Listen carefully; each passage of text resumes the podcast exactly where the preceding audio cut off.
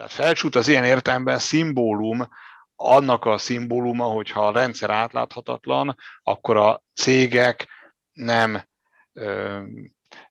erkölcsileg, vagy érzelmileg, vagy gazdaságilag méltányolható szempontok alapján, vagy nem kizárólag ilyen szempontok alapján, hanem haszonlesés alapján fognak dönteni a felajánlásaikról. Yeah.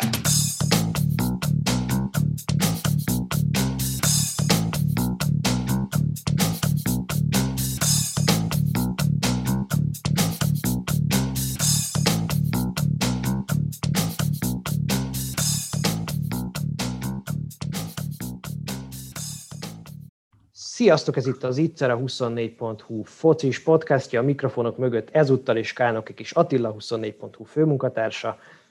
Szia Jani, köszöntöm a hallgatókat. Illetve jó magam, vagyis Kele János. Maradunk a magyar futball tájékán, ahogy azt megszokhattátok már tőlünk. Gyakort elhangzó érv az a kormánypártok, illetve a velük szimpatizáló szakemberek és választók részéről is, hogy a sport és azon belül főképpen a futball a nemzeti kultúrának a szerves, megkerülhetetlen fontosságú része, a támogatása tehát ezen a módon szükségszerűen állami feladat.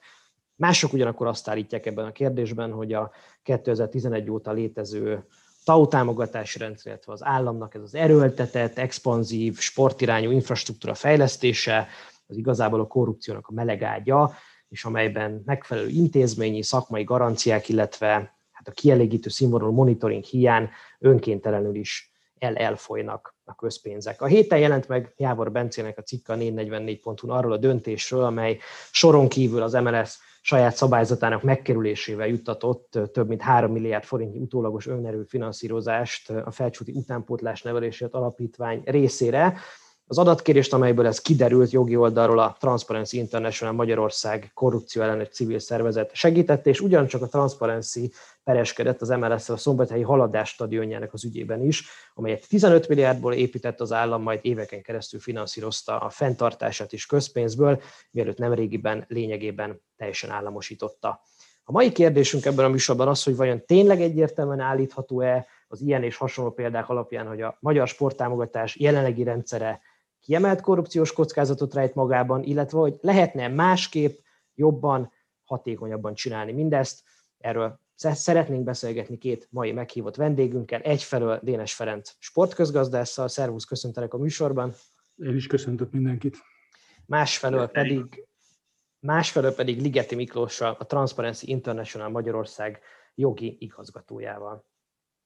Szervusztok, köszönöm a meghívást, és köszöntök mindenkit én magam is. Szervusz Miklós. No, hát akkor a felvetés még egyszer annyi, hogy tényleg a korrupció meleg ágya ez a jelenlegi sporttámogatási rendszer? Az neveletlen dolog, ha magamat érzem először megszorítottnak a korrupció szóval, mert mint új jövevény, én nagyon szívesen átadom az első megszólalás lehetőségét Dénes Ferencnek, vagy Attilának. Én nagyon hálás vagyok, hogy nem jutott eszedbe rólam a korrupció szó, úgyhogy, úgyhogy nyugodtan kezdjed miattam. Úgyhogy kezdjem. Jó, hát a Transparency International Magyarország azt hiszem hatodik vagy hetedik éve küzd a úgynevezett TAO támogatási rendszerrel, én amolyan kockafej jogászőként nem szeretem azt a kifejezést, hogy TAO támogatás, meg TAO pénz, annak ellenére, hogy a kúria ítéletében is ekként apostrofálta ezt a támogatási formát. Itt ugye a látványcsapatsportok támogatásáról van szó, maga a TAO az pedig csak annyit jelent, hogy társasági adó, társasági nyereségadó. És hát, ha nagyon tömören vagy mottószerűen kell megválaszolnom a felvetést, akkor a Transparency International Magyarországnak az az összefoglalója erről a támogatási formáról, hogy igen, a látványcsapat sportoknak a jelenleg megvalósuló, most már mondjuk tíz éve folyamatban lévő támogatási rendszere az nagyon súlyos korrupciós kockázatokat hordoz magában. Ezt mi már különböző tanulmányokban, közérdekű adatok megismerés iránti perekben és mindenféle számításokkal is alátámasztottuk, sajnos megakadályozni ennek a korrupciónak a tovagördülését nem tudjuk. Miközben azt gondoljuk egyébként, hogy nagyságrendileg valószínűleg szükség van azokra az összegekre, amelyek a úgynevezett TAO pénzekből a látványcsapat sportokhoz kerülnek. A mi tudomásunk szerint itt 10 év alatt nagyságrendileg 800 milliárd forintról van szó, tehát ennyi adóbevétel nem jutott az adókasszába, hanem került a látványcsapat szervezetekhez.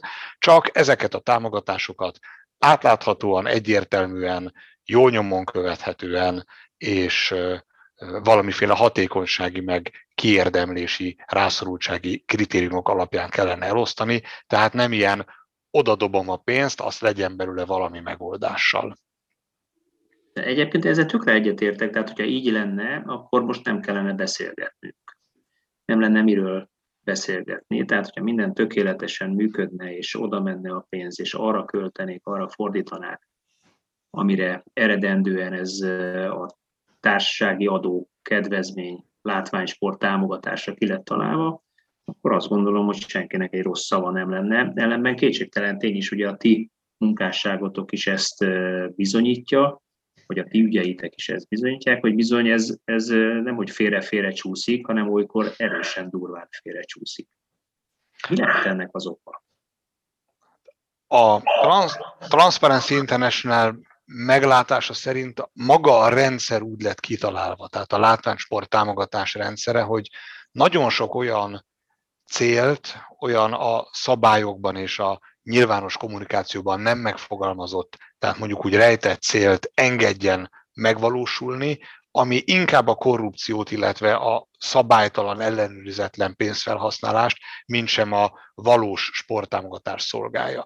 Az, hogy egyébként a támogatás nyújtó, tehát az adójukkal az államkassa helyett a sportszervezetekhez járuló cégeknek a neve, az valójában a mai napig nem egyértelműen átlátható. Hiába nyertünk pereket ezzel kapcsolatban, nem sikerült felhasználóbarát módon kideríteni azt, hogy kik a tényleges támogatók. Az, hogy az állam ennek a hatalmas pénzmennyiségnek a kezelését, a az erre egyébként felkészületlen sportszövetségekre bízta. Ez alól egyébként a labdarúgó szövetség valószínűleg kivétel, mert az méretében, jártasságában erre képesen, de a többi szövetségnek évekbe tellett, amíg felfedezték azt a képességet, amíg kialakították azt a tudást, hogy ezt a pénzmennyiséget hogyan lehet menedzselni. A tényt, hogy nem lehet tudni, hogy mi van a szabályossági ellenőrzésekkel, Pert nyertünk a sport szakállamtitkársággal, az EMMI sport referatúrájával szemben, meg kellene mondaniuk azt, hogy milyen szabályossági ellenőrzéseket és milyen szabálytalanságokat tártak föl, nem adják oda az adatokat. Tehát ez a nagyfokú titkosság könnyűvé teszi azt, illetve lehetőséget, táptalajt ad annak a feltételezésnek a terjedésére, hogy itt bizony a cégek ezekkel a közpénzveszteséget eredményező támogatásokkal bevásárolják magukat a hatalom kegyeibe, hűbéri járulékokat fizetnek, nem beszélve arról, hogy mondjuk ugye nem vitás, hogy közpénzről van szó, ennek ellenére a, az úgynevezett TAO pénzeket a kedvezményezett sportszervezetek nem közbeszerzésen hasznosítják. Nem írnak ki közbeszerzést a TAO-ból finanszírozandó beruházásoknak a megvalósítására. Tehát ezt a kört úgy is el lehet írni, hogy a a legnagyobb adományozók között ott találjuk az állami közbeszerzésekkel sikeres, főként építőiparban tevékenykedő cégeket, ezek állami pénzből meggazdagodnak, adót azonban mérsékelten fizetnek csak, mert a társasági nyerességadójuk egy részét nem az államkasszához, hanem, hanem valamelyik sportszervezethez irányítják, ez a sportszervezet aztán mondjuk stadionépítést, vagy létesítményüzemeltetés, létesítményfejlesztést rendel meg, hogy-hogy nem az adományozó cégtől közbeszerzés nélkül. Tehát az államtól elnyert pénzt az sikerül magánzsebekben tartani az adókötelezettség és a közbeszerzési kötelezettség megkerülésével. Hát úgy nem is annyira kis dióhéjban ezek a legnagyobb csomóponti jellegű problémák, és akkor én visszavonulok, hogy ne uraljam el ezt a beszélgetést ilyen mértékben.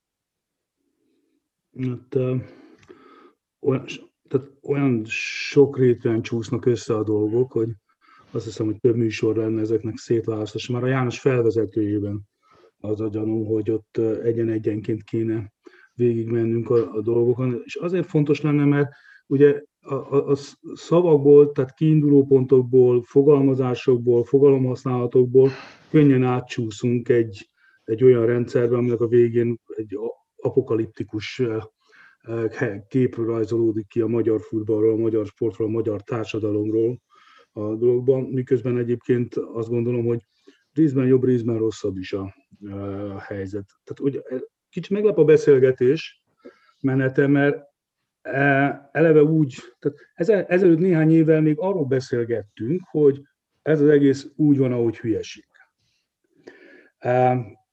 E, ez az érv, hogy egyébként pedig a nemzeti kultúrának a része, ez korábban nem volt e, elfogadott érvrendszerbe, ez pedig azért tartom fontosnak innen indítani a beszélgetést, mert ha egyetértünk, és meglep ez a nagy egyetértés, hogy van egy ilyen típusú célrendszer, és ez konszenzuális, ahogy fogalmaztatok, akkor ugye itt az eszközrendszerekről folyik a beszélgetés, hiszen abban van társadalmi egyetértés, hogy ez fontos. Ez egy, ez egy új elem a beszélgetésben, mert a közbeszédnek van egy, van egy olyan szekértábori része, ami eleve tagadja ezt a, dolgot. Egy. Kettő, a Attila is meglep ebben a dologgal, mert ugye korábban sem, tehát korábban, és azért megkérdezi, tehát hogy is mondjam, azért az felvethető, hogy sen, senkinek ne lenne probléma. Miért ne lenne probléma? Hiszen az elmúlt években folyamatosan az volt a vita tárgya, hogy ez a típusú, tehát egyáltalán a sport támogatása, és azon belül a futball támogatása, az egy elvetemű dolog, most én is túlzos és kiélezem a beszélgetést, a történetben korán sem volt arról szó, hogy egyébként mindenki egyetért. Hát erről évekig nem értettünk egyet, évekig vitatkoztunk arról, hogy egyébként van jogosultsága, vagy nincs jogosultsága önmagában a futball támogatási, vagy a sport támogatási rendszernek. Az a típusú felvetés, az két különböző dolog, hogy korrupció hogy is mondjam, kockázatokról beszélünk, vagy korrupcióról beszélünk. Ez utóbbit persze bizonyítani kéne bírósági ítéletekkel, minden egyéb dolgokkal, mert a korrupció, hogy is mondjam, környezete, gyanúja, az furcsa módon mindenütt megjelenik, Magyarországon és bárhol a világon, ahol nagy közpénzek mozognak. Épp tegnap olvastam a beszél, tehát még eszembe is jutott, hogy elmondom ezt a példát a beszélgetésben, a korrupciós vizsgáló intézet nagyon komoly munkát végez, a TASZ-hoz hasonlóan, a Transparency International, bocsánat, hasonlóan mondja azt, hogy, hogy, hogy hát jelentősen megnőttek a korrupciós kockázatok az egészségügyben. Mert hogy ott is vannak most közbeszerzések, tehát akkor mostan kimondhatjuk, hogy az egészségügy is korrupt a rendszerben, meg hogy azt mondjuk, hogy milyen típusú mutatványok vagy jelzések vannak, akkor visszamehetünk hogy egészen a, a Magyar Bálint féle közbeszerzések, egy millióért szereztek be egy számítógépet, hogy már a kombinókat és a négyes metró körüli, hogy is mondjam, húzavonát már ne is említsem. Most mondjuk-e azt arra, hogy Demszki Gábor korrupt volt, vagy a fővárosi önkormányzat így, ahogy van, dobjuk be az egészet a vízbe, és mondjuk azt, hogy mindenki korrupt a rendszerbe. Tehát, erről, ez, tehát ez is egy megfontolandó, és ez is egy, a vitának egy iránya lehetne. És végül én sem akarom magamhoz ragadni a szót. Én nem így látom a dolgokat, vagy nem egészen így látom a dolgokat. Egyrészt azért, mert ugye a, vannak a, a nagy ügyek, amiket a, állandóan a címlapokon vannak, és ezekről kell beszélni, és beszéljünk is, és álljunk bele ezekbe a beszélgetésekbe de ezen kívül van több ezernyi vagy több tízezernyi tranzakció a TAO kapcsán, amely, amelyekben szintén lehet látni csomó jó példát, meg csomó rossz példát. Rossz, akkor kezdem a Tóbival, hogy ugye miért kell minden évben ugye felszereléseket beszerni, pont akkor a nagyságrendben amekkorát, meg hát, hogy egy idő után már a falu prominens képviselő is megjelennek ugyanazokban a mezekben, amiben a, a fiatalok. Ezek ezek egyfajta történet, de ezeknek a többsége valóságosan kerül abba a helyzetbe, vagy valóságosan arra a támogatásra, aminek eredeti célja volt. Hogy ez mennyire pazarló, mennyire nem, erről is beszélgethetünk. És vannak a kiemelt ügyek, amiről, amiről beszélünk, és itt is egy picit más a véleményem. Látszólag árnyalat, de azért lényegét érintő a dolog.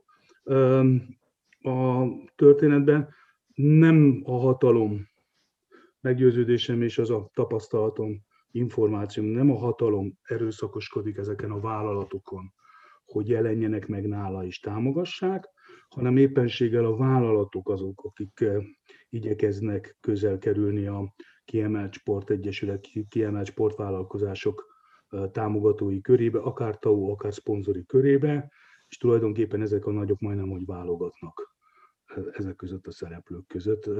Azért ez is egy fontos jelzés arra vonatkozóan, hogy akkor most a futball, a sport, a hatalom, vagy a vállalatok összességében azok, akik helytelenül is nem megfelelőképpen viselkednek. Ez, bocsánat, ez rendkívül fontos volt az a vége. Én, én szerintem beszéltünk egyébként arról is, amiről a, amivel kezdted, hogy, hogy miben van konszenzus és miben nincs. Én hajlok arra, hogy ezt egyébként nyilván ebben, mint ahogy majdnem semmilyen kérdésben Magyarországon, de a világon sehol sem, talán teljesen társadalmi, egyöntetű társadalmi konszenzus nagyon-nagyon kevés kérdésben van. A sporttámogatás Magyarországon biztos, hogy nem ilyen, ugyanakkor vannak Magyarországon parlamenti választások, országgyűlési választások, ezeken egy olyan pártszövetség kapott egymásnál háromszor kiemelkedően nagy felhatalmazást a kormányzás, akinek a politikájának ez egy sarokpontja. Tehát azt gondolom, hogy az ilyen felhatalmazással bíró kormányzat az föl van arra is hatalmazva, hogy a politikáját ebben a kérdésben megvalósítsa. Ilyen módon az, hogy, hogy ebben kellő tám- társadalmi támogatottsága a kormány mögött az nem annyira kérdéses. Az eszköz szerintem a legkér- leginkább kérdéses, és abban segíts nekem felé légy szíves, hogy megértsem egy picit én is, mert szerintem a tao kapcsolatos legalapvetőbb dilemma az az ösztönzési rendszerben keresendő. És ezt említetted a, az előző válaszodnak a legvégén, hogy a cégek hogyan gondolkoznak ebben az esetben. Én úgy látom, hogy addig teljesen oké, okay, hogy az állam mondjuk lemond bizonyos adóbevételeiről, és felajánlja a magánszektornak a fölötte való rendelkezésnek a lehetőségét. Igazából erről szól ez a látványcsapatsport támogatás. Persze, mondom, ilyen társadalmi felhatalmazással, ami a kormány mögött van, a kormány dönthetne úgy is, hogy ő közvetlenül költségvetési sorokon keresztül támogatja ennek, ezeknek a céloknak a megvalósulását. Ez is egy dilemma, miért nem így dönt az állam, én szeretném megérteni. Szerintem a probléma ott kezdődik, hogy vajon ezek után mi ösztönzi arra a magánszektor szereplőit, hogy az arra legérdemesebbek kapják meg ezt a támogatást. Tehát mi alapján dönti el a magánszektor, aki megkapta a, a kvázi közpénz fölött való rendelkezésnek a lehetőségét, hogy tehát mi alapján döntik, hogy mely projektek a legérdemesebbek erre a támogatásra. Ilyenkor reklám, PR szempontokat érvényesítenek, tehát hogy nekik melyik a legjobb reklám, eredményorientáltan gondolkodnak, hogy olyan sportszervezetet, alapítványt szeretnék támogatni, amely aztán nagyon komoly eredményeket ér el, és ezen a nyilvánosságban is megjelenik? Vagy mondjuk köt egy egészen részletes együttműködési megállapodást támogatott szervezetekkel, hogy figyelj, én támogatlak téged, amit egyébként adóba kellene befizetnem, de nem, támogatlak téged ezzel, és írjuk le, hogy mik a célok, mire lehet felhasználni ezt a támogatást, és aztán monitorozom, hogy az valóban megvalósult és ha nem, akkor majd legközelebb más valakit támogatok. Én úgy látom, hogy Magyarországon úgy és kifejezetten arra lett kitalálva az a rendszer, hogy a támogatást felajánló magánszereplők politikai mozgásteret, meg támogatást vehessenek ebből a pénzből.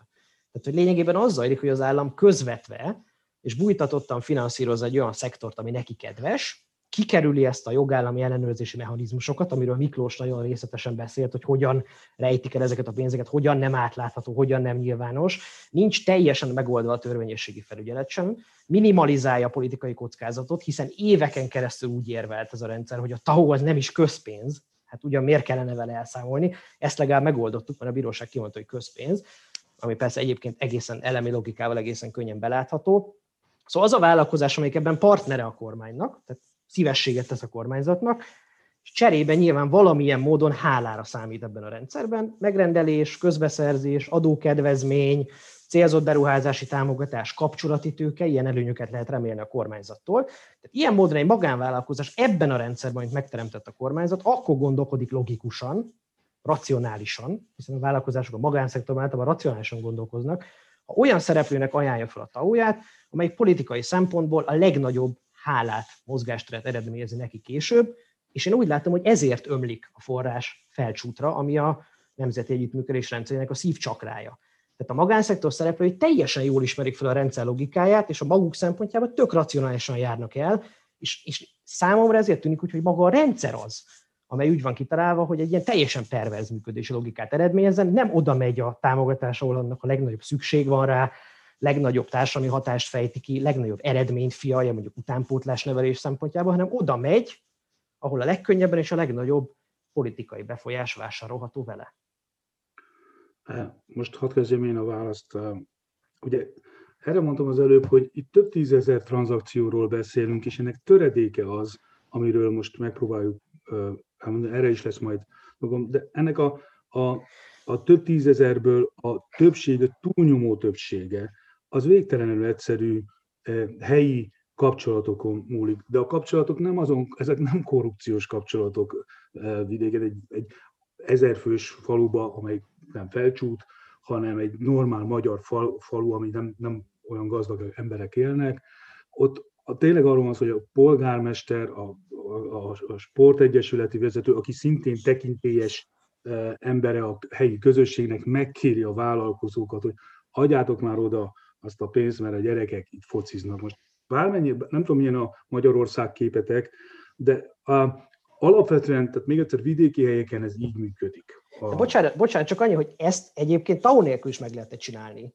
Tehát nem az, lehet. én, az, én, az én értelmezésemben a TAO arra kell, vagy annak a rendszere, hogy, hogy felcsútra ömöljön egy nagyon nagy volumene, és amit mondtál, hogy egy töredéke, azt szerintem nem igaz akkor, amikor kiderül, hogy egy önrész kiváltásra megszavazott törvénymódosítás, amely 9 milliárd forintnyi önrész kiváltást eredményez, kifejezetten azért, hogy nehezebb helyzetű településeken lévő sportalapítványoknak ne kelljen az önrész befizetni, és erre 9 milliárd forintot költenek, és ennek több, mint az egyharmada végül felcsútra kerül, úgy, hogy azok nyilván már megvalósult beruházások voltak, csak utólag kifizettették az adófizetőkkel még azt a 30%-ot is, amit egyébként önerőből valósítottak meg. Tehát én értem, hogy van egy csomó jó projekt, csak én úgy látom, hogy ezek, ezekhez a jó projektekhez akár lehetne átlátható is a rendszer. Ahhoz, hogy ilyen zavaros, az azért kell, hogy a nagy része föl, felcsútra ömölhessen.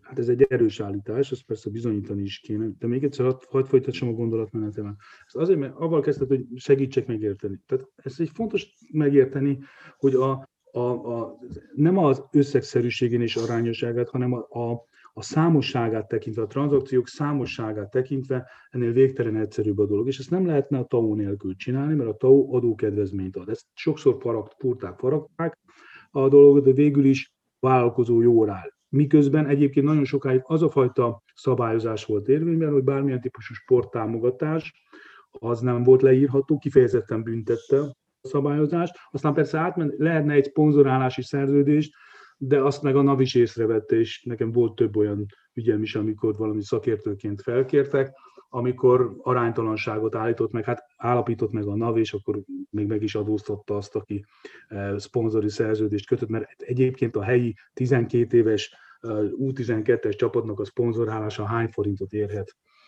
1 forint 40, for, 1, 1 forint 40 filléren túl a dologba. Tehát az első, és ugye az alapállítás az, hogy ez egy alapvetően tényleg kapcsolati rendszer, de a kapcsolati rendszer a helyi közösségekhez való tartozás. Persze vannak olyan hírek is, én ezt nem tapasztaltam, sohasem láttam.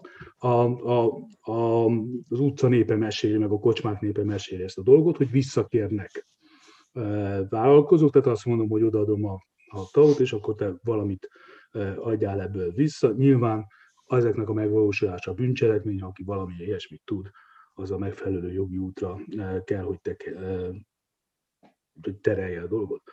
A felcsútnál pedig van egy alapkérdésem, ami nyilván aki hallgatja, botrány kérdés. A történet, mi a baj felcsúttal? Nekem erre lenne válaszom anélkül, hogy a labdarúgásnak a szakmai tartalmához kicsit is értek, értenék. A, a, a rendszerre van a probléma, és hát én nem értek egyet azzal, hogy nem szívesen ismétlem azt, hogy ugye felcsút lenne a Nemzeti Együttműködés rendszerének a szívcsakrája, de az biztos, hogy, hogy valami módon magába központosítja ezt az egész látványsport támogatási rendszert. Felcsúttal az a baj, hogy az átláthatatlansága a támogatásnak, tehát hogy a cégek bármennyire is úgy döntött a Transparency által kezdeményezett perben a kúria, hogy közpénzről van szó, és ki kell adni a támogató cégek neveit. Igazából még mindig számíthatnak a cégek arra az odakacsintott ígéretre, hogy nem nagyon fog kiderülni, hogy ők mennyi pénzzel, meg milyen időszakban járultak a felcsúti kasszához.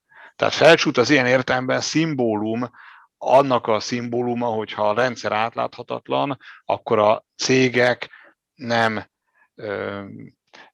erkölcsileg, vagy érzelmileg, vagy gazdaságilag méltányolható szempontok alapján, vagy nem kizárólag ilyen szempontok alapján, hanem haszonlesés alapján fognak dönteni a felajánlásaikról. És hát persze azt is tudni kell, vagy hangsúlyozni kell, mert mindenki tudja, csak hajlamos elfelejteni, hogy a cégek a adózás előtti eredményükből teszik a felajánlást, vagyis a mi pénzünkből adakoznak, nem a sajátjukból, tehát ez nem egy szponzorálási tevékenység. Teljesen, vagy majdnem teljesen letisztulhatna a kép, hogyha ha megjelenne a mezeken, elég lehet, hogy a felcsúti mezekből kettőt-hármat kellene hordani egy játékosnak, hogy melyik cégek vannak mögöttük. Tehát, hogy nem tudom, a, a, az, hogy a Qatar Airlines az melyik foci csapatot támogatja, az, az aznak a kiderítésére nem kellett pert indítani a senkinek. Bocsánat, rá... egyik, egyiket sem. A Qatar Airways senkit sem támogat. Mondtam, hogy én nem a sportszakmai részéhez akartam hozzászólni. Az, ez hogy ez egy, a, ez egy kereskedelmi tranzakció. A, a, miért nem látjuk a, a, a felcsúti mezeken a felcsúti labdarúgó szervezeteket támogató cégek nevét. És ha nem ad pénzt a Katára annak a csapatnak, amelyiknek a játékosai valamelyik évben, nem tudom melyik évben a mezükön ezt a feliratot viselték, akkor meg miért van rajta a Katár felirat azon, vagy volt rajta a Katár felirat azon a mezen. Azért, Tehát, mert, azért, mert szponzori szerződést kötöttek. Igen, erről ez beszélek. Nem, az, de, de hát de miért nem? De miért nem szponzori szerződés? Tehát ha egy céges támogatásnak akarja bárki feltüntetni, ha azt akarja elhitetni bárkivel, magával vagy a közönséggel, hogy itt a ö, cégek pénzét, a cégek ö, ö, együttműködését és támogatását akarja a sport iránt előmozdítani, akkor miért nincsen ott a cégek neve, és ez miért nem egy szponzori szerződés? Ez egy adótámogatás. Itt a, a, az adóbevételről, az adóvárományról a kormány lemond, és még Pontosan. akartam volna reagálni egy mondatodra, egy záró mondatodra, mi szerint a csapatoknak már nem kell lobbizni, ugye a cégek járulnak, hát ez egy tipikus korrupciós kockázati helyzet, és akkor most nagyon árnyaltan fogalmaztam, ez kicsit olyan, mint a létezett szocializmusban, a hiánygazdaságban az anyagbeszerző, tehát hogy nem marketing volt, hanem megpróbálták a gyárak össze happolni azt, ami kellett ahhoz, hogy egyáltalán termelni tudjanak. Itt is megfordult a logika. A, a, a cégek keresik a kegyet. Biztos lenne a felcsúton kívül más olyan szervezet, sportszervezet, ahol ahol jól el lehetne helyezni a támogatásokat. És a Transparency International Magyarország is tud olyan cégről, amelyik az úgynevezett TAO támogatási rendszerben, tehát ezt a mi adónkból nyújtott nagy lelkűséget használva, értelmes és érdemes szempontokat maga elé tűzve valósít meg támogatást, tehát azt mondta, hogy ha TAO, ha nem TAO, én akkor is csak pici, meg szegény, meg gyerekeket, meg fogyatékosokat, meg nem tudom milyen egyéb szempontokat előnyben részesítő sportszervezeteket fogok támogatni. Mondjuk olyan cégről van szó, amelyik megengedheti magának, hogy, hogy a kormány tudja róla, hogy mondjuk nincs ott a felcsúti, vagy a szolnoki, vagy a nem tudom milyen egyéb listákon. Világos, de úgyis ők haszonlesésből csinálják, Miklós? Én nem tudom, én azt mondom, De, hogy haszon, ez, mert nekik ez, ez jó, ez jó Ez megadja. A haszonlesés egyébként nem bűn, az nem korrupció. A gazdaságnak az az alapja, az az alapja. Mindenki a hasznát követi. Csak Köszönöm. ezek a cégek a mi adónkból követik a saját hasznukat. Mint ahogy, az, ez a baj. Mint ahogy aki a fogyatékosoknak is adja a mi, a mi adónkból közvetíti, ha ható támogatást ad. Igen, csak mondjuk én ezt nem akarom a céget megnevezni, bár, bár nem, nem is ez a lényege, hanem hogy azt tudjuk, hogy ez a cég ez nincs ott felcsútnál, és egyébként kis összegű TAO támogatásokról van szó, de szerintem egyébként még az is hiba, hogyha leragadunk a, a felcsútnál, mert ahogy említetted, Szerintem. és teljesen igazad van, százezernyi támogatási szerződésről van szó, a, a, és támogatási okiratról az elmúlt tíz évben. És igaz, hogy felcsút hasította a legnagyobb szeretet a tortából a maga 30 nem tudom hány milliárd forintjával, de de az tény, hogy ez a rendszer egyébként alapvetően nagyon sok olyan utánpótlás jellegű, tehát tényleg fiatalok, gyerekek, nem tudom, félamatőrök, nem tudom, hogy kell fogalmazni, sportba történő bekapcsolódását segítette elő, akik enélkül valószínűleg egyébként szervezetten, intézményes keretek között sport közelben nem jutottak volna. Tehát, hogy ennek a, a rendszernek, ennek a 800 milliárd forintnak valószínűleg a nagyobbik része jó irányba és jó célra hasznosul. Nem igaz, hogy az átláthatóság az ezt a célt akadályozná. Tehát ha látnánk, hogy a, egy képzeletbeli falunevet próbálok most mondani, és elnézést, hogyha véletlenül pont olyanra hibázok rá, amelyik meg létezik, ez az én tudatlanságomat leplezi csak, leplezi csak le. Tehát ha a báza keretjei zokni hegesztő SE az kiírja a falunapon, hogy egyébként a, a, az autójavító Kft.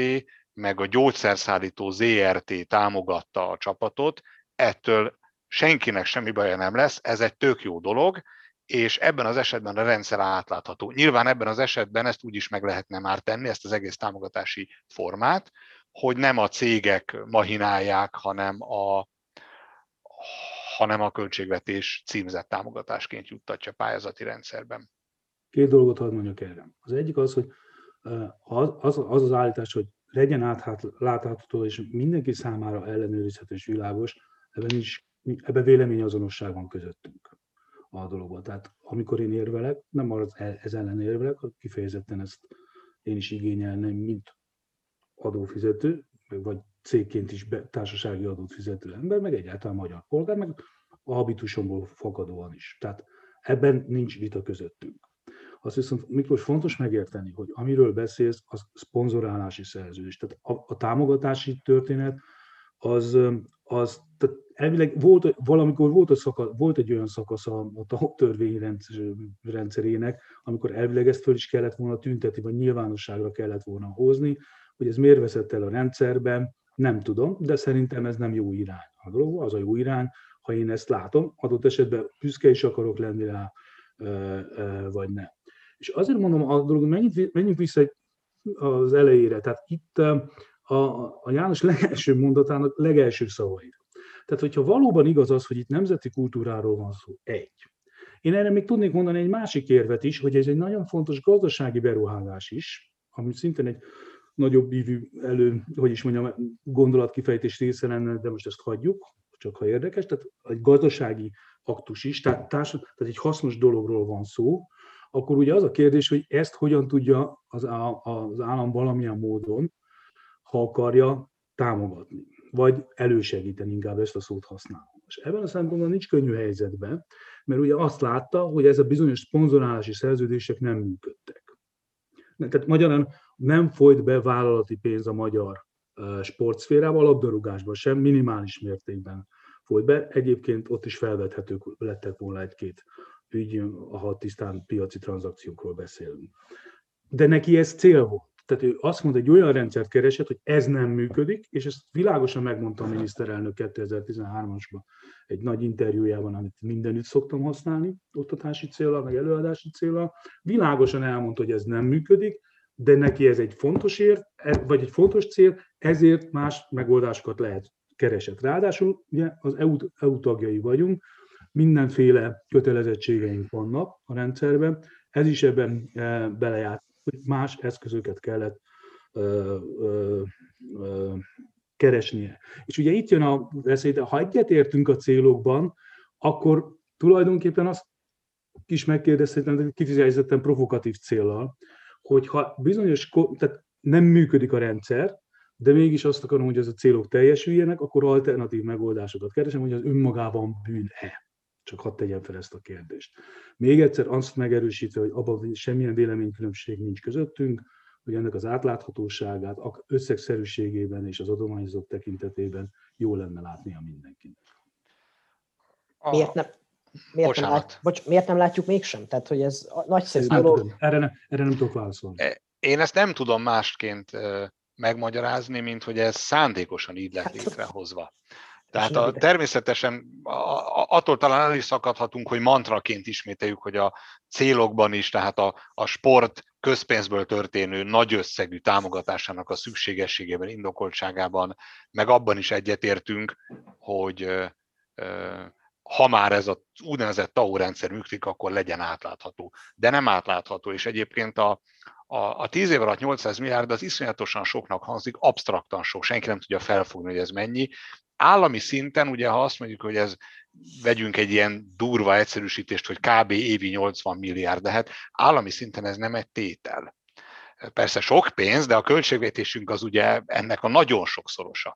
Tehát az állam az szokva van ahhoz, hogy ekkora pénzösszegeket kezeljen, ennél sokkal nagyobb tételeket kell átláthatóan és normálisan menedzselni, és az állam ezeket a pénzeket általában Magyarországon közigazgatási meg költségvetési szervek útján kezeli, amik úgy arra vannak kitalálva, hogy a feladataikat költségvetésből ellenőrzett módon valósítják meg az országos sportági szakszövetségek nem erre vannak kitalálva. És ebből felülről fölfelé kilóg ebből a labdarúgó szövetség, amelyik a, a legnagyobb, meg a legprofesszionálisabb pénzkezelőnek tűnik a, a abból megállapíthatóan, amilyen pereket mi lefolytattunk a bíróságon a, a sportági szakszövetségekkel szemben. A többi szakszövetségnél sokkal nagyobb arányban tapasztaltunk esetlegességeket. Mintha szánt...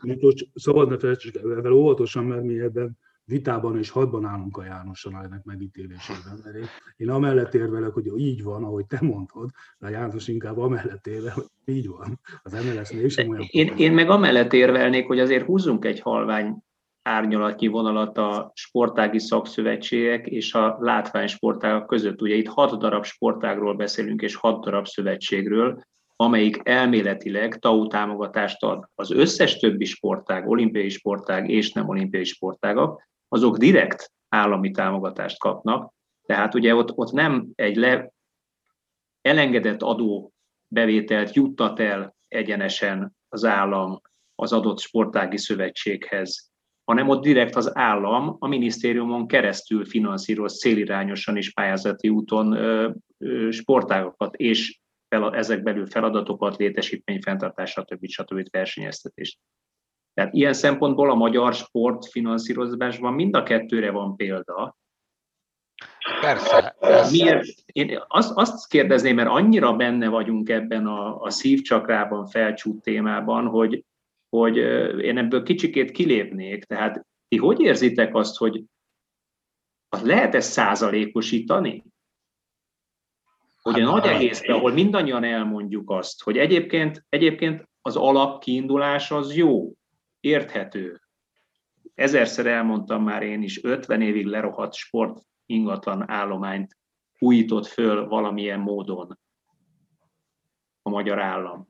Így is, úgy is. Tauval és direkt támogatással is. Hány százalék az, amelyiknél egyébként fölmerül ez a kockázat, ugye, amit korrupciós kockázatnak nevezünk.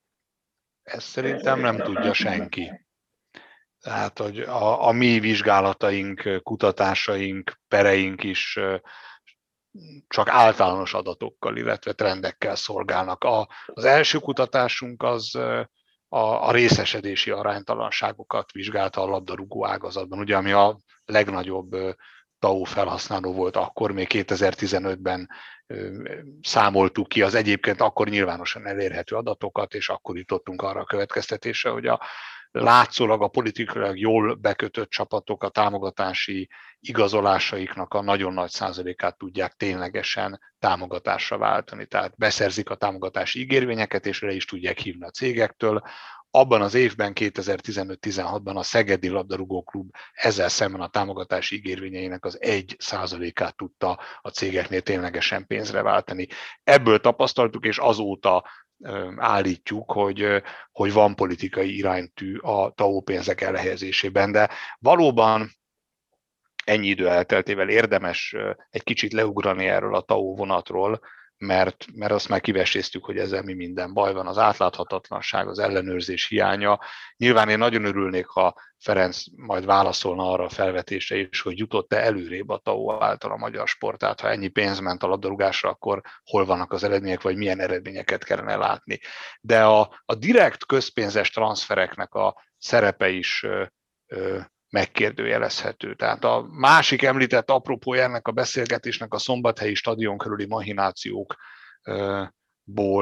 származik, és hát ott is érintett volt a Transparency International Magyarország, ugye próbáltuk megtudni, hogy milyen megvalósíthatósági, megtérülési, hasznosulási peremfeltételekkel vállalta a, az állam, illetve akkor még az önkormányzat a stadion létrehozását, működtetését, és, és valami egészen abszurd helyzet állt elő azáltal, hogy kiderült, hogy egy közpénzből megvalósított és közpénzből üzemeltetett stadionnak a megtérülési számai, tehát amely számítások alapján az megmérhető, megismerhető lenne, hogy hozzája a beruházói várakozásokat ez a létesítmény, az üzleti titok, és ezt nem sikerült leküzdenünk, így ennek a stadionnak a megvalósíthatósági tanulmánya az részben kitakart formában ismerhető csak meg, miközben az jól látható, hogy nem jött be ez a biznisz szombathelyen. Tehát a, a legnagyobb összegű közberuházás volt az elmúlt évtizedben a városban, 16 milliárd forintért csináltak stadiont,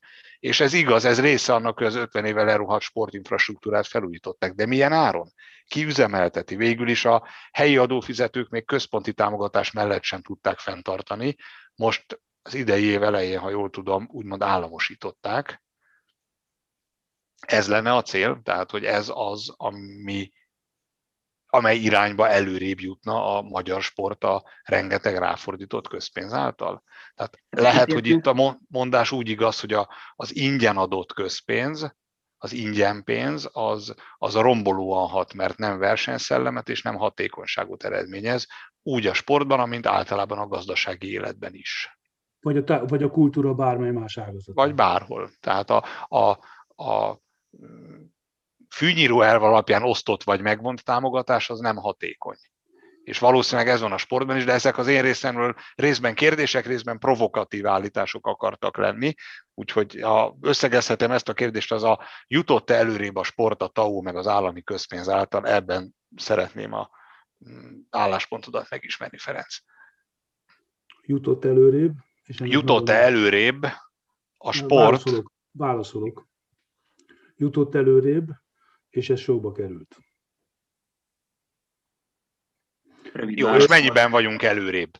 Hát, ugye, és ezért mondtam, és ezért kezdtem a beszélgetést, és tudtam, hogy ide fogunk kanyarodni a dologba, hogy meg vagy, engem meglepett, a, a, megleptetek mindannyian, mert a beszélgetések javarészt eddig úgy zajlottak, hogy egyáltalán minek közpénzt ebbe a rendszerbe mondani, és én arra a beszélgetésre is készülök, mindig erről szoktunk beszélni, hogy egyáltalán minek, csak visszakanyarodtunk ebbe. Ez kiderült, hogy... Bocsánat, egy... én azt sosem mondtam, hogy egyáltalán minek, csak így közbevetőleg, mert közpénz hát, azért alapvetően kell. Hát itt, és, és ez, meg, ez elsikad ebben a beszélgetésben sajnos. Van egyrészt, amiről a TAO szól, hogy támogassuk az utánpótlás nevelést, teremtsük meg a sportolási lehetőséget az ország minden területén, akár a legelmaradottabb területein is, a lehető legtöbb gyermeknek. Ez egy abszolút azonosulható cél, és abszolút szimbiózisban van azzal, hogy a sport a nemzeti kultúra része.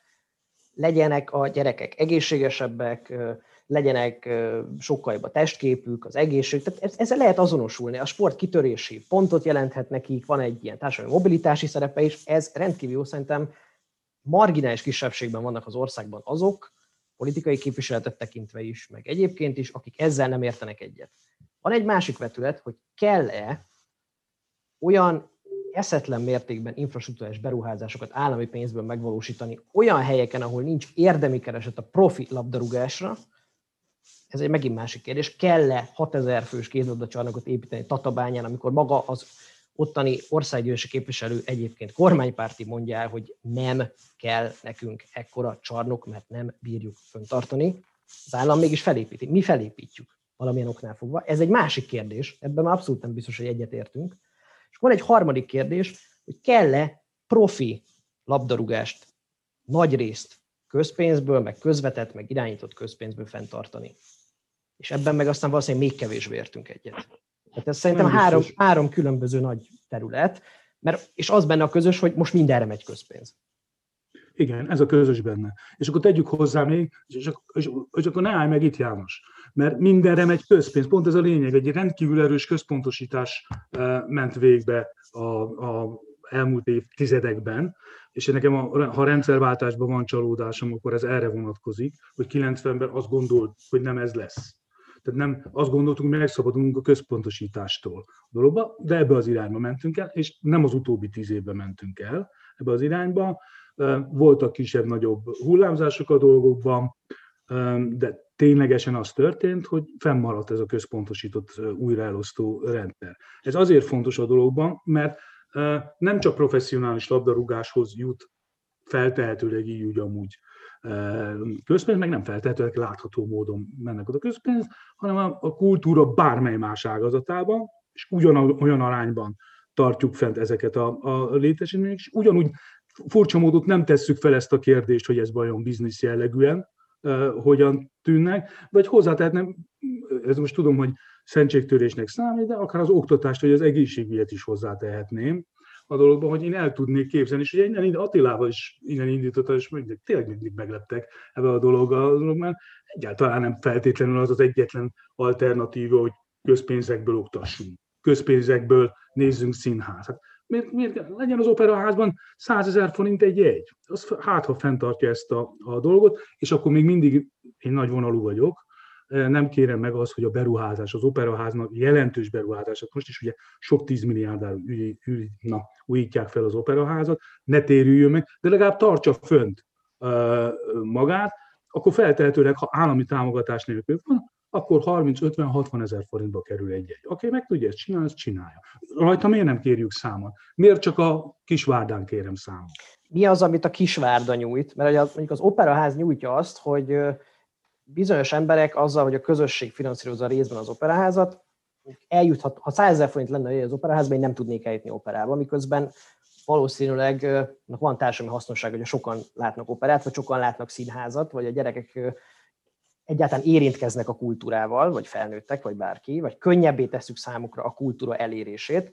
Most a kisvárdai, vagy a mezőkövesdi, vagy paksi, vagy felcsúti futballcsapat milyen olyan szolgáltatás nyújt, amitől én egyébként ellennék zárva, ha azt az állam nem támogatná.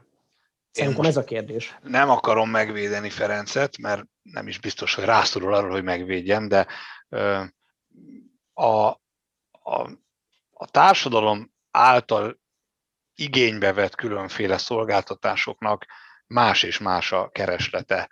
Mennyiségileg és minőségileg is más igények mutatkoznak magas kultúrára, és más igények mutatkoznak labdarúgásra. És ennek megfelelően természetesen más az ezekhez rendelt közfinanszírozás és központi támogatás rendszere is. Tehát szerintem nem azt kell összemérni, hogy hasznosabb-e, ha valaki a Don Giovanni-t nézi meg, mint hogyha a Kisvárda mezőkövest rangadót nézi meg, mert más a közönség, amelyik ezt megnézi. Valószínűleg a két csoport között nagyon kicsi az átfedés, és ilyen értelemben ezt szerintem felesleges összehasonlítani. Nyilván azt meg lehet kérdezni, hogy miért az egyiket, vagy miért a másikat, vagy a két különböző területet miért eltérő mértékben, vagy eltérő követelményeket állítva támogatjuk közpénzből. És hát most nem akarom olyan sarokba szorítani a Transparency International Magyarországot, hogy elkezdjem azt a sajnos nagyon is megalapozott mantrát, hogy Magyarországon mindenféle közpénz felhasználással probléma van. Tehát egyébként a direkt támogatásként, költségvetési forrásként juttatott közpénzek hasznosulása és elirányítása is probléma. És egyébként a, az állam rendkívül nagy mérete és a központosítás, ami tényleg nem tíz éves, de nem is 30, hanem valószínűleg évszázados probléma, az, az rendkívül drágává és nagyon rossz hatékonyságúvá teszi a, a, az állami meg a közpénzből finanszírozott egyéb működés Magyarországon. De ezek az állítások, vagy ezek az irányok nagyon-nagyon messze túlmutatnak a beszélgetésünknek a keretein. A, a probléma az az, hogy azt lehet tudni, hogy az operaház az a magyar adófizetők pénzéből kapott 10 vagy 15 vagy 72 milliárd forintot, nem tudom, hogy mennyit, és az most mellékes, hogy az én szívemnek az kedvesebb, hogy azt újítják föl.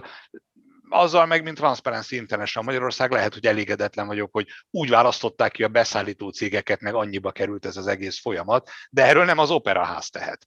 Van egyfajta konvenció, hogy hogy 100-150 éve operaházakat építünk, mert hogy az része a nemzeti kultúrának. Elfogadjuk, hogy a labdarúgás is a része a nemzeti kultúrának. De miért nem lehet azt mondani, hogy akkor nekünk kell a Kisvárda, ennek az országnak kell a Kisvárdán a, a foci csapat, megépítjük, mit tudom én, 10 vagy 12 milliárd forint közpénzből, kész adófizetők, vegyétek tudomásra, hogy erre költöttétek a pénzeteket. Miért kell ezt masszatolni azzal, hogy nem pontosan tudható, hogy mely cégeknek az adózás előtti jövedelméből, tehát az átirányított adójából valósul meg ez a buli.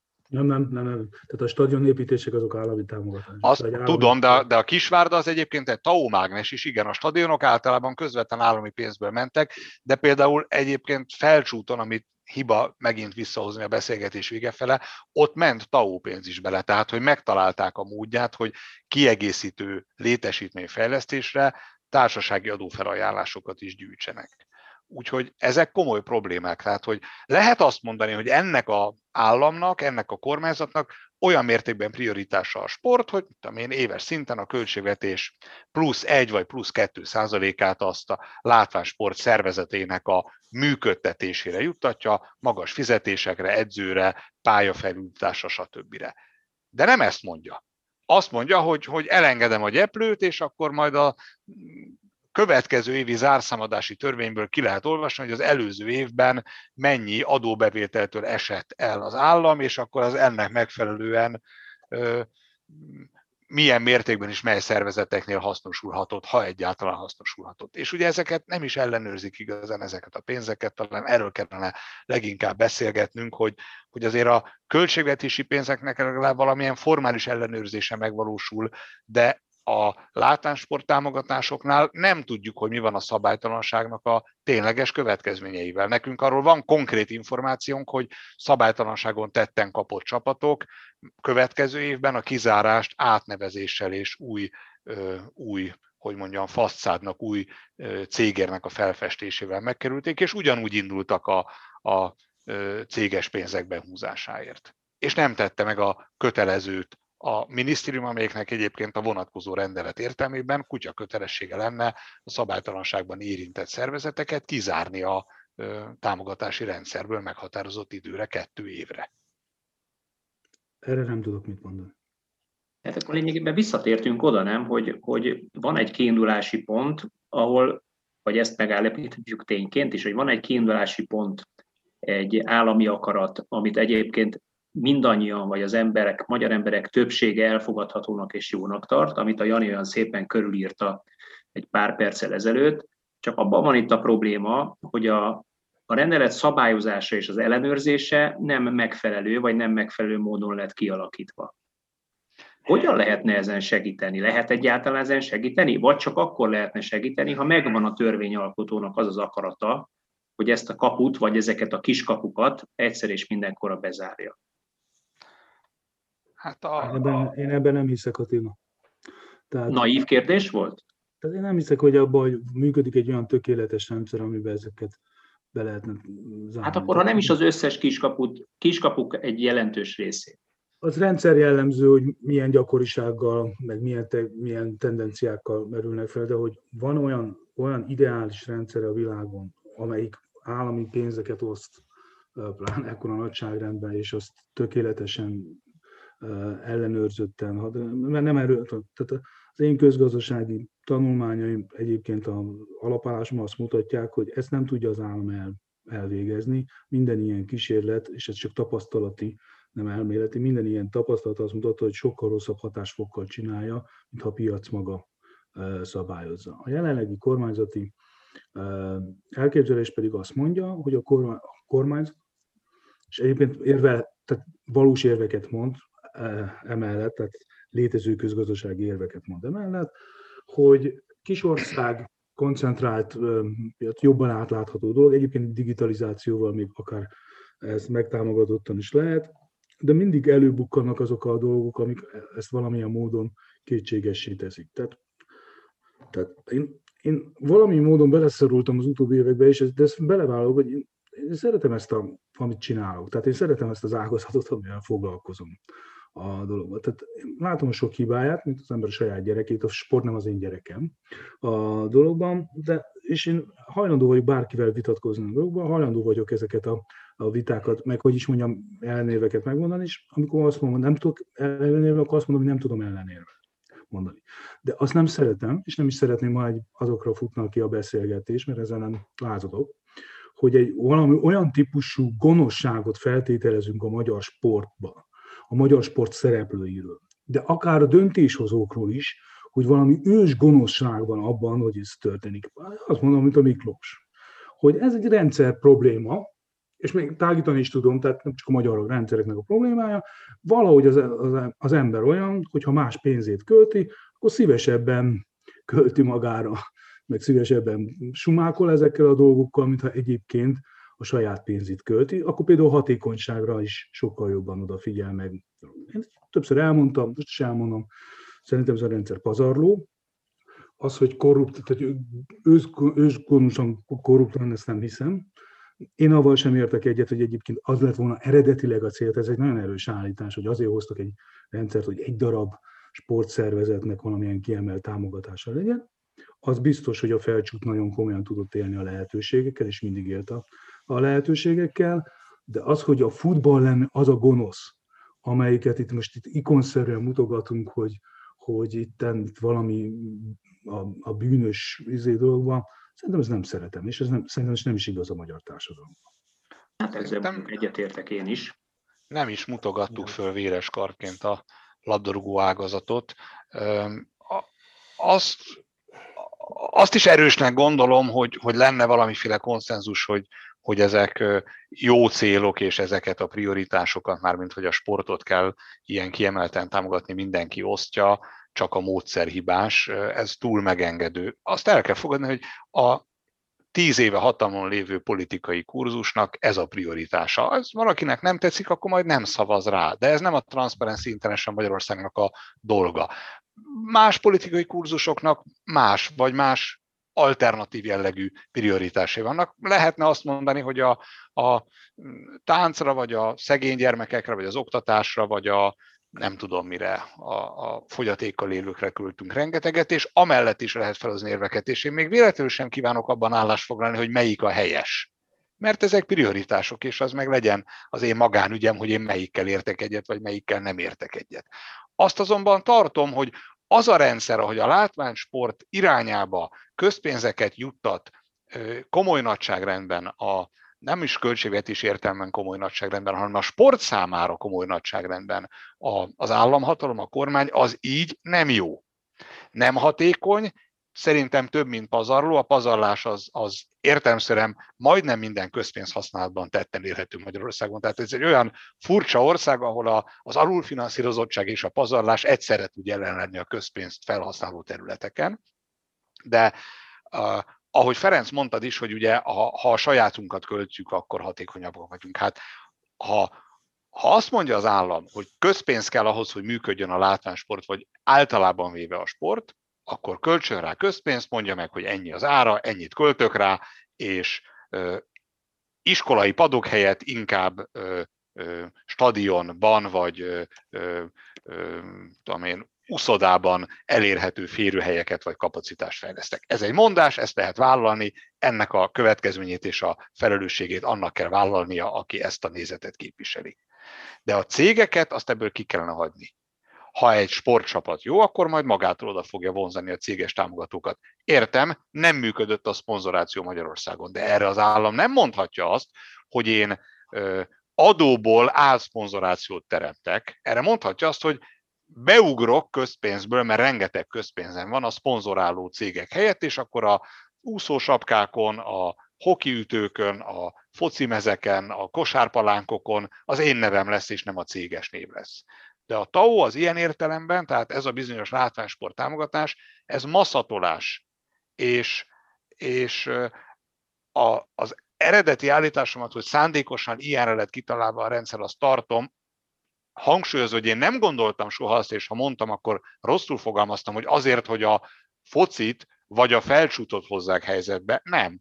Olyan rendszert teremtettek, ahol a sportszereteten, a szakmai megfontolásokon kívüli prioritások nagyon könnyen tudnak érvényesülni az átláthatóság és az ellenőrzőség hiánya miatt és ezek a prioritások lehetnek politikaiak, politikaiak lehetnek kegykeresésben megnyilvánulók, lehetnek bármi egyéb természetűek. Ezzel a felcsút meg más politikailag jól bekötött szervezetek tudtak hatékonyan élni. Most már valószínűleg mindegyik látványsport ágazat kellően belenyúlhatott ebbe a mézesbödönbe, nyilván más és más arányban, de önmagához képest mindegyik sportágazat már, már megszedhette ebből magát, tehát már, már senki nem veszített a bulin. aki veszített, az a magyar polgár, amelyiknek így a pénze kevesebb lett, anélkül, hogy tudná, hogy ellenőrzötten hatékonyan ez a pénz hova fordult, hova költődött, hova fordítódott. A gondolatmenet erejével egy, azt hiszem tudok azonosulni. Szerintem is a, én is egyébként azt gondolom, hogy ha költségvet, vagy ha a kormányzati célok vannak, az a, leg, az a legtisztább, a kormányzati eszközrendszert rendelünk a dolgokban. Nem, nem, nincsenek benne közvetítők, például uh, taós dolgok. Tehát ezzel a gondolatmenettel egyetértek a dolgokban, mert egyébként rá tudsz húzni egy állami gazgatási, egy állam, állami közigazgatási rendszert, ellenőrzési rendszert, egy házt, egy, volt egy sok minden dolgot tudsz a dologba, tehát ez a részemről tehát ez egy vállalható állítás ebben a dologban. Nem beszéltünk egy dologról, csak röviden hadd hozzam be, tehát amikor megkérdeztem, mi a baj felcsúta, igazából nem válaszoltatok a dologban.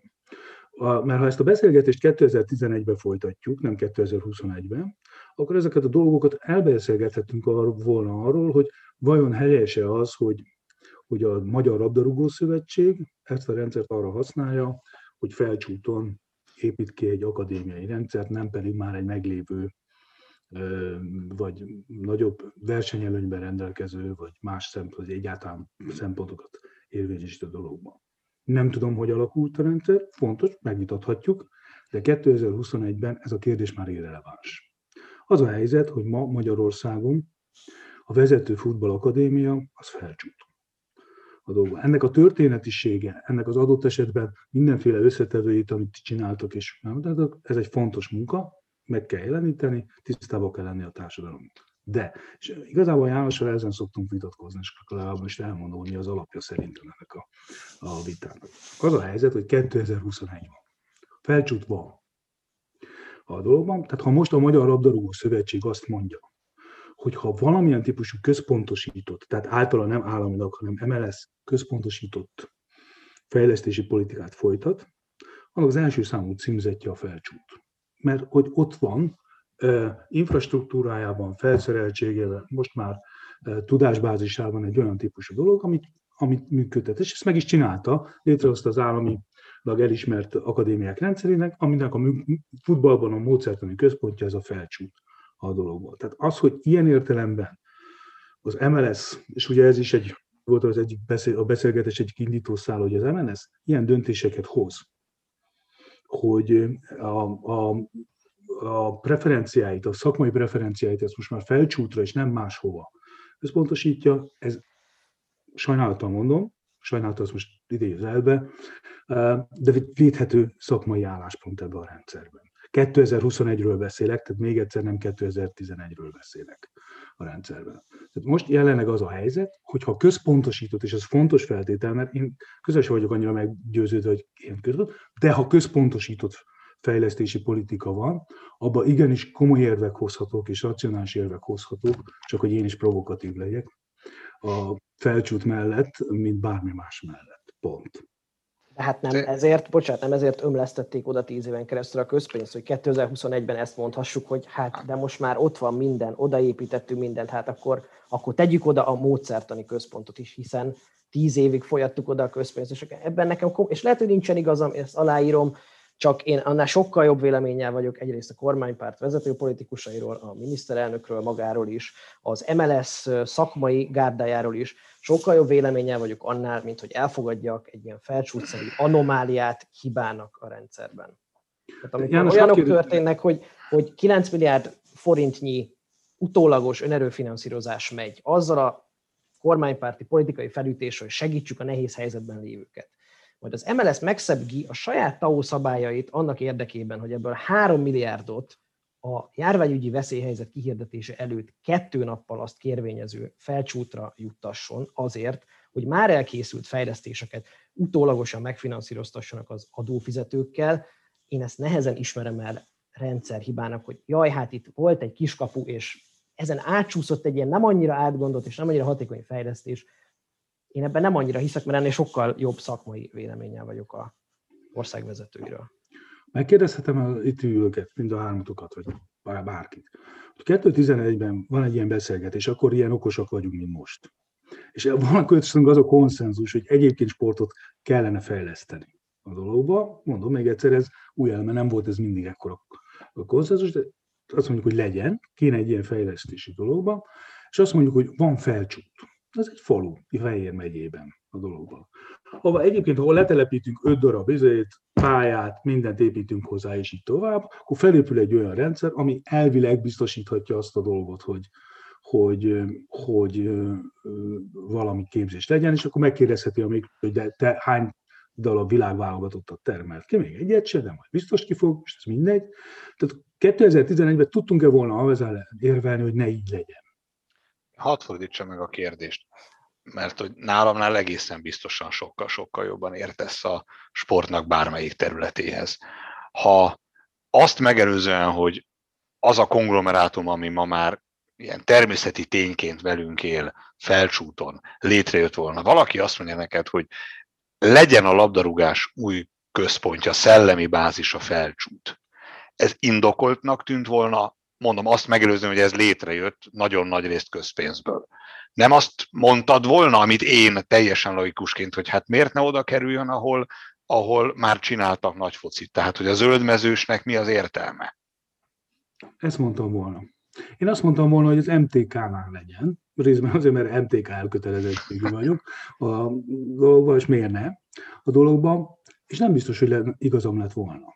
Ugyanis az a helyzet, hogy ott egy magánterületen volt, egyébként egy vérelt területen egy olyan vállalkozónak, aki ne, ténylegesen be, bekövetkezett az, hogy ott kilépett a rendszerből, és most az a helyzet, hogy két éve egyébként ugyanabban az állami támogatási rendszerekben működő MTK-nak nincs jelenleg megfelelő infrastruktúrája a dologban.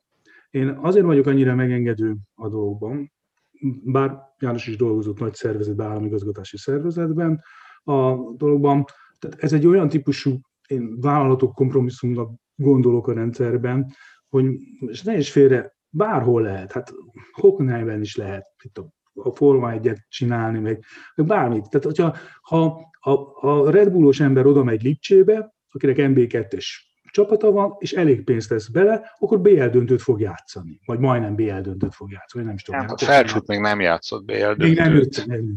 Na, de nem is tettünk annyi pénzt bele a rendszerbe. De, ez, nem. de egyébként, hogy a, a, a sok pénzből létrehozott nagy eredmény az önmagában nem baj.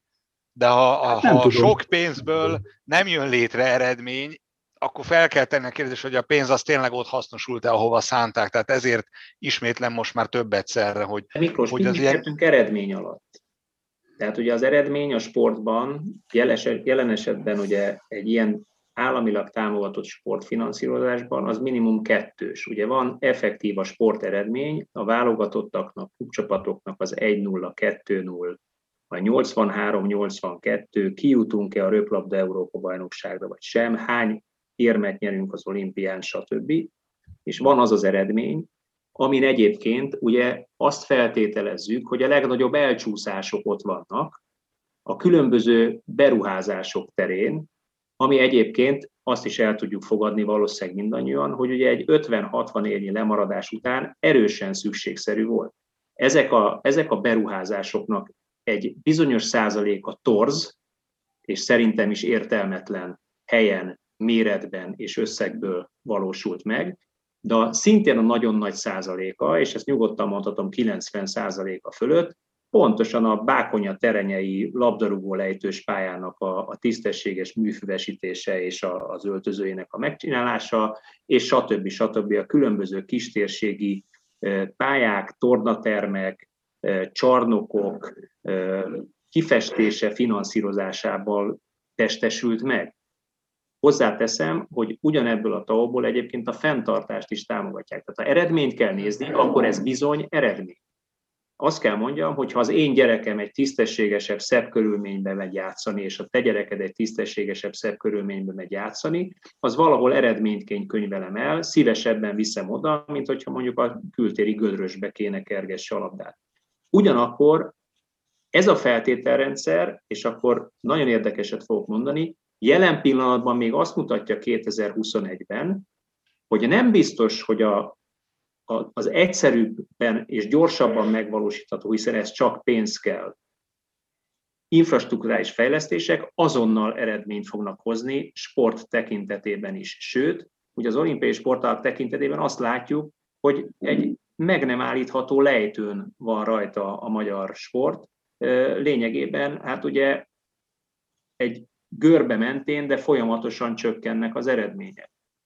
Ugyanez egyébként a labdajátékokra nem feltétlenül az, ott inkább stagnál, vagy inkább egy kicsikét elindultak fölfele az eredmény.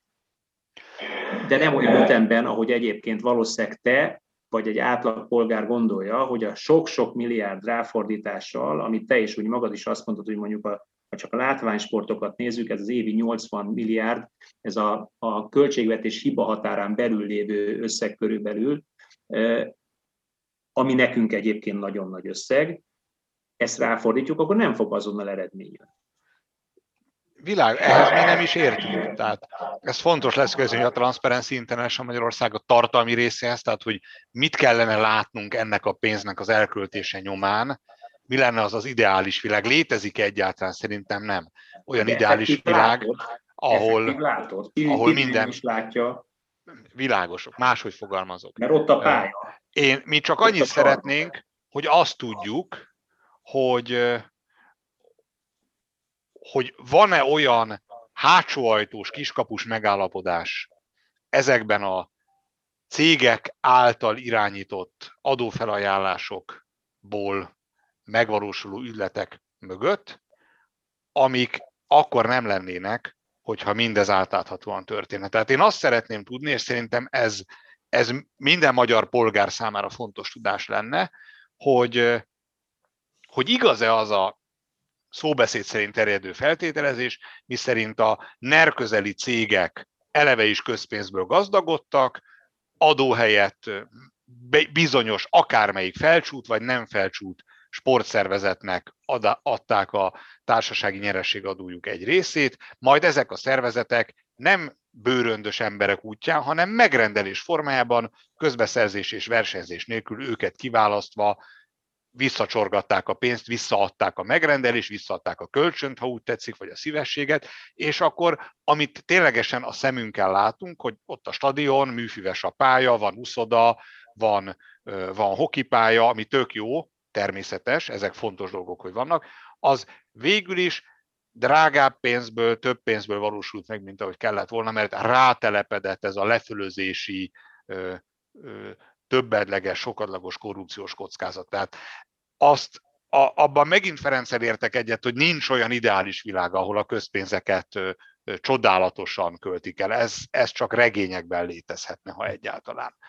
De ö, a, azt tartom, hogy annál, ami 2011 óta a látványsport finanszírozásban Magyarországon megvalósul, van tisztább megoldás, nagyon kis akarattal ezt a tisztább megoldást Magyarországon is életbe lehetne léptetni, és valószínűsítem, ez inkább kérdésszerű feltételezés, mint állítás, hogy annak a 800, legalább 800 milliárdnak, ami a látványsporthoz társasági adóbevételből került, a nem elhanyagolható hányada, az egyszerűen kézen közön elpárolgott, ami nem történt volna meg, ha van kemény ellenőrzés, és vannak hatékonysági követelmények, amiket számon kérnek.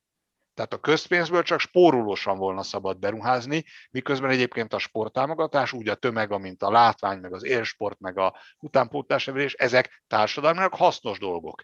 És nem az a feladatunk, hogy arról döntsünk, hogy erre vagy más társadalmilag hasznos dologra kellene költeni, mert ez egy politikai prioritás, a kormány így döntött, lelke rajta. Csak tessék ezt a prioritást átlátható, szigorú, ellenőrzött, hatékonysági követelményekhez kötött, számon kérhető módon megvalósítani. Ennyi a mondás. Ez nem kevés, de nem is olyan sok, ezt meg lehetne valósítani, tehát ezt a, ezt a tau istálót, ezt tisztára lehetne söpörni, valószínűleg nem visszamenően, hanem csak előre menően, tehát a rendszert a jövőre nézve ki lehet takarítani, anélkül, hogy a látásport szervezeteknek vagy a stadion fenntartásnak kellene ráfizetnie egy ilyen purifikációs kampányra. Rengeteg kérdésem lenne még, a műsor keretei közé talán csak egy fér be, és ez részben kapcsolódik ahhoz, amit Miklós az előbb mondott. Túlélnie, vagy túlélhetné a magyar sport, de talán foglalkozunk csak a futballal. Azt, hogyha Taut mondjuk egyik napról a másikra egy kormányváltás részeképpen megszüntetnék. Ha nem, akkor az vajon nem, az kinek a felelőssége, mármint hogy vajon a maga a rendszer volt olyan, hogy túlságosan ösztönözte az erre való rácsavarodást és az alternatív finanszírozási lehetőségeknek a beszűkülését. Ez a sportági szakszövetségeknek, maguknak, a kluboknak, a szervezeteknek a felelőssége, hogy ennyire amának éltek ebben a rendszerben, vagy ez egyáltalán nem is igaz, és ha jönne egy, egy új kormány, vagy egy új politikai irányvonal, akkor, akkor sem történne olyan nagyon nagy tragédia ezzel a szegmenssel. Egyáltalán alternatíva az, hogy a tau megszüntetik, vagy sokkal inkább annak kellene lennie a helyes, felelős gondolkodásnak, akárha egy másik politikai oldal felől nézve is, hogy a tau szabályosabbá tenni, a kiskapukat becsukni, a visszaéléseket megszüntetni, egy sokkal erőteljesebb szakmai intézményi garancia, garanciákból álló hátteret mögé építeni. Kezdhetem a választ ezzel? Uh, erről mindig el, sportbarátaimmal ezen mindig elvitatkozom. Az ő válaszok egyértelmű, megszűnik a magyar sport. Ezen mindig jót röhögök.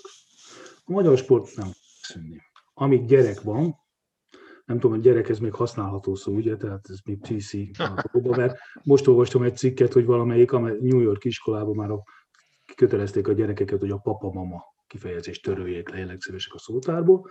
Nálunk át még a gyereket még lehet használni. Szóval amíg gyerek van, az bele fog rúgni a labdába, az el fogja dobni, futni fog, ugrani fog. Tehát mindig lesz magyar sport. El, elválaszthatatlan a, attól az élet, tehát az emberben benne van a játék, benne van a sport. Tehát magyar sport mindig lesz. Egy, kettő. Hogy ez a sport nem lesz. Az a típusú sport, amit most látunk, nem lesz. Ha megszünteted egyik pillanatról a másikra a taót, az egészen biztos. Egyszerűen pontosan azért, mert egy olyan típusan magasan a valós keresletet messze túllőtt kapacitásokkal és messze túllőtt szolgáltatásokkal működteti a rendszer, amit nem bír fenntartani. Azok nem, nem, még ha leszámítanám azt, amit mondtok, hogy egyébként nem hatékonyan használtak fel a forrás, akkor sem bírnám, olyan kapacitások épültek fel, amit nem, nem fog tudni önmagában, tehát e, fenntartható módon, amit mondtok e, a rendszer, mert bát a terenyén is gyönyörű pályánk van, csak éppen a gyerekek nem fizetik meg, vagy ha már fizetni kell érte, akkor már megfontolja, hogy mennyit fizet, és kérdéses, és inkább az a hipotézis, hogy nem jön ennyibe forrásba, mint amennyiben e, e, fenntartható a rendszer. És nem fogjuk megverni a szeltiket, feltehetőleg, bár mondjuk, hogyha jól gazdálkodik a Fradi, még akár sok minden lehet, de az biztos, hogy nem leszünk olyan típusú módon topon a, a klubrendszerben, a válogatottban lehetünk, mint amilyen most vagyunk. Nem feltétlenül leszünk elsők itt ott, ott, ahol vagyunk. Tehát én azt várnám, hogy jelentős teljesítmény visszaesés következik be. Az, arra pedig a kérdésed harmadik részére, hogy TAU vagy nem TAU, az nagyon függ attól, hogy a kormányzati politika, bármilyen van, annak mi a kormányzati filozófia. Az egy, jön egy liberális állam, amelyik azt mondja, hogy inkább hagyjuk meg a pénzt a, a, a fogyasztóknál, és a fogyasztók döntsék el a pénzükkel, hogy mire költik, operára vagy kisvárdán a, a valamire a dolgot, de akkor mindenütt döntse legyen ez a, a dolog, vagy pedig azt mondja, hogy fenntart egy ilyen újraelosztó mechanizmust, és ezzel vagy másmilyen prioritásokkal működtet államilag támogatott rendszereket, és onnantól kezdve már csak részletkérdés, hogy TAO-val vagy TAO nélkül milyen ellenőrzési fokkal és milyen ellenőrzési nem fokkal, csak az alapkérdés mégis visszamegyek az, hogy továbbra is egy ilyen központosított államba gondolkozik bárki vagy pedig egy sokkal inkább egy a mostaninál erőteljesebb piacgazdasági formák között. Ha erőteljesebb piacgazdasági formák között gondolkozik, akkor ez a magyar sport ebben a struktúrájában, ebben a szinten nem fenntartható. Hát ugye még olyan párt nem volt, amelyik azzal kampányolt volna kormányra kerülés előtt, hogy drágább és nagyobb államot hoz létre. Mindig mindig kisebb, olcsóbb, hatékonyabb államot ígér, kormányra kerül, megörökli az előttől az ugye nagy, nem hatékony és drága államot, majd megnöveli, még drágábbá teszi, és még kevésbé hatékonyá. Tehát ugye ez, ez az ördögi kör, ez szerintem tényleg évszázadok óta zajlik Magyarországon és nyilván az alapkérdés a sportfinanszírozásban is az, hogy marad-e a az újraelosztó rendszer, vagy ez inkább piacosításra kerül. Ezt nem a Transparency International Magyarország fogja megválaszolni ezt a dilemmát, álláspontunk sem nagyon van benne. Az viszont biztos, hogy mi az átláthatóság mellett vagyunk. Tehát ezt a TAO támogatási rendszert, a látványsport támogatási rendszert is eredendően átláthatóvá szeretnénk tenni, mert az a tapasztalás, hogy ahogy a előbb említetted, Ferenc, hogy ugye a, a keresleten felüli kapacitások alakulnak ki, tehát ugye nem hatékony a rendszer, ez, ez minden ingyen pénzes megoldásban sajnos így van. Tehát a, az egyik nagy megállapítás, és nem csak a Transparency International Magyarország osztja ezt, egy friss tanulmányunkban idéztük azt a kutatást, amit az állam rendelt meg az Európai Uniós támogatások hatékonyságának a vizsgálatára, hogy az Unióból beáramló, irgalmatlan mennyiségű pénz, kb. 9000 milliárd forint jött 2014 és 2020 között. Ugye hol van ez ahhoz a 800-hoz, ami 10 év alatt a sportba ment? Tehát 9000 milliárdról van szó, hogy ez borzasztóan kevéssé hatékonyan lett elköltve. Nem, nem edződött a versenyképessége a magyar gazdaságnak. Tehát ha hozzászoktatjuk ahhoz a gazdaság szereplői, legyenek azok sportszereplők vagy vállalati szereplők, hogy az állam kegyeiért, a finanszírozó kegyeiért, a kegydíjakért kell versenyezni, és nem a piacon kell magát megméretni, legyen az a piac bármilyen piac, sportpiac vagy egyéb piac, az szükségképpen rossz hatékonyságot, kereslet nélküli kapacitásokat, túlkínálatot fog eredményezni, ez biztosan egyensúlytalansághoz vezet. Tehát a, a, a képzeletbeli eljövendő sportfinanszírozásnak minimálisan is átláthatónak kell lenni, és akkor majd azt a találós kérdést, hogy, hogy a, a, a Postner rendszerében marad-e a TAO, ahogy van, csak mondjuk a felcsútból más lesz, tehát egy másik felcsút épül, vagy kitisztul magától, azt majd akkor fogjuk látni, hogyha ez megvalósul, és akkor majd egy újabb beszélgetés keretében azokat a tapasztalatokat fogjuk majd kicserélni. Urak, hát nagyon szépen köszönöm. Nem is volt ez rossz. Abszolút nem. Én, én nagyon szépen köszönöm, mert remek intellektuális élmény volt ez a vita beszélgetés olykor-olykor mindenféle formákat öltött. Remélem, hogy a hallgatóink is élvezték, annak ellenére, hogy picit hosszabbra nyúltunk a szokásosnál, de szerintem ez ezúttal érdem inkább. Még egyszer köszönöm, hogy itt voltatok, hogy elfogadtátok a meghívásunkat. Attila, neked is köszönöm. A hallgatóinktól pedig azt kérem, hogy tartsanak velünk a jövő héten is, amikor érkezünk egy új témával és új vendégekkel. Sziasztok! Sziasztok! Köszönjük szépen, sziasztok! Tehát sziasztok!